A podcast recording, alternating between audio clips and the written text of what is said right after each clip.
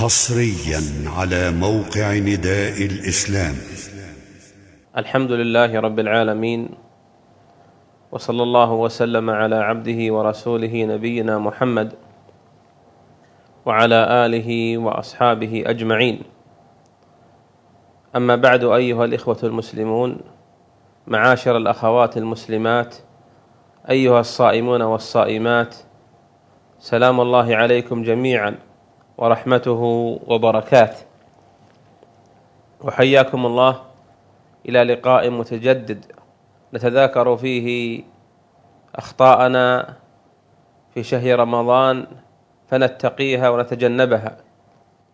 فإن الخطأ معرفته لا لذاته ولكن للحذر منه واتقائه. إن من تفريط بعض الناس يا أيها الإخوة في رمضان تفريطه في العشر الأواخر فلا يلقي بالا لليلة القدر. هذه الليلة الشريفة التي عظم الله شأنها وأعظم ثوابها ونوالها لمن قامها والتي شرفها نبينا محمد عليه الصلاة والسلام. ونص على أن من قامها ايمانا واحتسابا غفر له ما تقدم من ذنبه. نجد من بعض المسلمين ولا سيما من شبيبتهم وشاباتهم من لا يلقون بالا لهذه الليلة. وفي ما لا يفيدهم بل ما يضرهم من اللهو واللعب والحرام والتسكع في الشوارع والأسواق والاجتماع على حرام والاستماع لحرام وتعاطي الحرام تجدهم في ذلك يهتمون به اهتماما عظيما. أما هذه الليلة الشريفة وهذه الليالي المباركة ورمضان في قيامه وصيامه فلا يقوم لهم عنده لا يقوم لهم عنده اهتمام أو بال يناسب هذا الشرف. ليلة القدر هي في العشر الأواخر وهي التي ذكر الله جل وعلا شأنها في قوله بسم الله الرحمن الرحيم انا انزلناه في ليله القدر وما ادراك ما ليله القدر ليله القدر خير من الف شهر تنزل الملائكه والروح فيها باذن ربهم من كل أمر سلام هي حتى مطلع الفجر روي في سبب نزولها ان النبي عليه الصلاه والسلام ذكر عابدا من عباد بني إسرائيل حمل السلاح مجاهدا في سبيل الله ألف شهر وهو يغزو في سبيل الله يقاتل من كفر بالله عز وجل. فتعجب الصحابة قالوا وأينا يبلغ مبلغه؟ فقال صلى الله عليه وسلم إن عبادة ليلة واحدة خير من عبادة ألف شهر فأنزل الله جل وعلا قوله ليلة القدر خير من ألف شهر. أي من عبد الله جل وعلا فيها موحدا مؤمنا لله لا لغيره لا رياء ولا سمعة ولا ليمدح محتسبا ثوابه على الله خير ممن عبد الله ألف شهر. أي بضعا وثمانين سنة.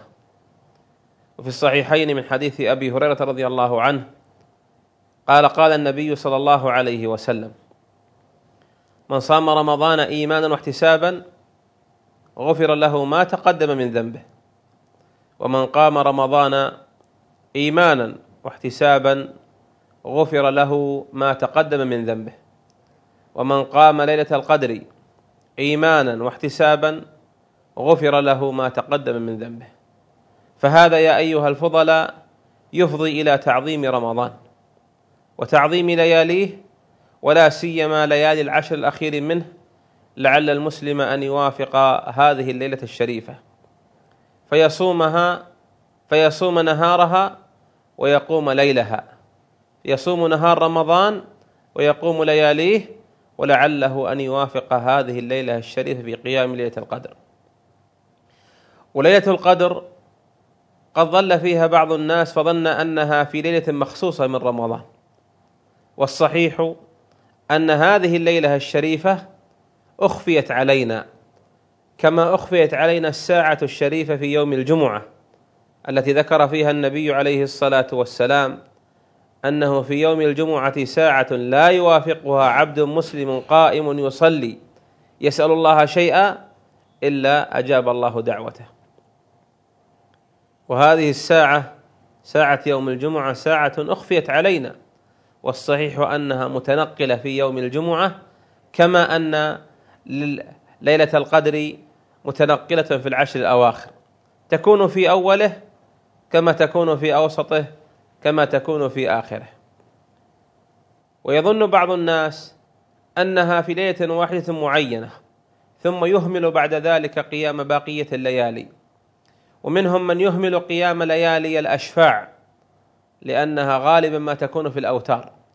وهذا تفريط تفريط عظيم لا يليق بالعاقل الحصيف المسلم لأن الله جل وعلا قادر على أن يبين لنا هذه الليلة ويحددها لنا ولكنه سبحانه أخفاها علينا لنجتهد في الطاعات والعبادات وفي القيام والصلوات والمناجات والاستغفار.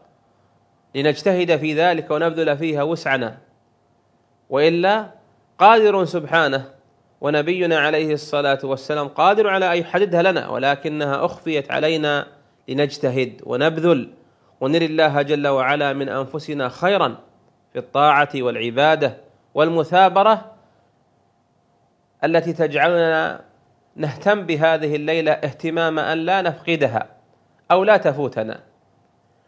أحدكم يا أيها الفضلاء لو أنه ارتبط بموعد مهم له في نفسه البال وله في نفسه الأهمية ألا يلقي لهذا الموعد باله ويتحراه ويخاف أن يفوته؟ وهو موعد يتعلق بأمر من أمور الدنيا أو بشيء زائل فاني. اعلم يا أيها المبارك أن هذه الليلة يجب أن يكون في في قلوبنا من الاهتمام بها والحرص عليها ومحاتاتها أشد مما يكون في مواعيدنا الدنيوية. وبهذا نكون ممن شرفنا هذه الليلة وعظمناها واهتممنا بها لكريم نوالها وثوابها عند الله جل وعلا. يقول الله جل وعلا إنا أنزلناه في ليلة القدر أي القرآن. وما أدراك ما ليلة القدر. وهذا من باب التعظيم والتبجيل والتأكيد لشأنها. ليلة القدر خير من ألف شهر أي في عبادتها وقيامها. لماذا؟ لأنها ليلة ينزل فيها قدر العام الجديد. المقدر في هذا العام الجديد ينزل في هذه الليلة. سلام هي قال تنزل فيها الملائكة والأرواح. وهي سلام. لا ضوضاء ولا إزعاج ولا أذى. سلام هي حتى مطلع الفجر. ألا فلنحرص في أنفسنا ومع أولادنا وأحبابنا وأقاربنا ونتواصى مع جيراننا وإخواننا على ألا تفوتنا هذه الليلة. فقد ضيعنا من أعمارنا ومن أيامنا ومن ليالينا ومن ساعاتنا الشيء الكثير. فلا تفوتك يا أيها المسلم. هذه الليالي المباركات فإنك لا تدري أتدرك رمضان آخر أو يكون هذا آخر رمضان لك تدركه. فأر الله من نفسك خيرا واستعذ بالله واستعذ بالله من الشيطان واسأله سبحانه الإعانة على التقى وعلى العمل الصالح. فلقد قال صلى الله عليه وسلم لمعاذ رضي الله عنه يا معاذ إني أحبك فلا تدعن أن تقول دبر كل صلاة اللهم أعني على ذكرك وشكرك وحسن عبادتك ومن لم يعنه الله فلا عائن له لو لم يكن عون من الله للفتى فأول ما يجني عليه اجتهاده اللهم أعنا على طاعتك وعلى قرباتك وأعنا على أسباب مرضاتك وجنبنا أسباب سخطك وعقوبتك لنا ولكم ولوالدينا ووالديكم ومشايخنا وأحبتنا من المسلمين والله تعالى أعلم. وإلى لقاء آخر قريب. وصلى الله وسلم على نبينا محمد وعلى آله وأصحابه. والسلام عليكم ورحمة الله وبركاته. تم تنزيل هذه المادة من موقع نداء الإسلام www.islam-call.com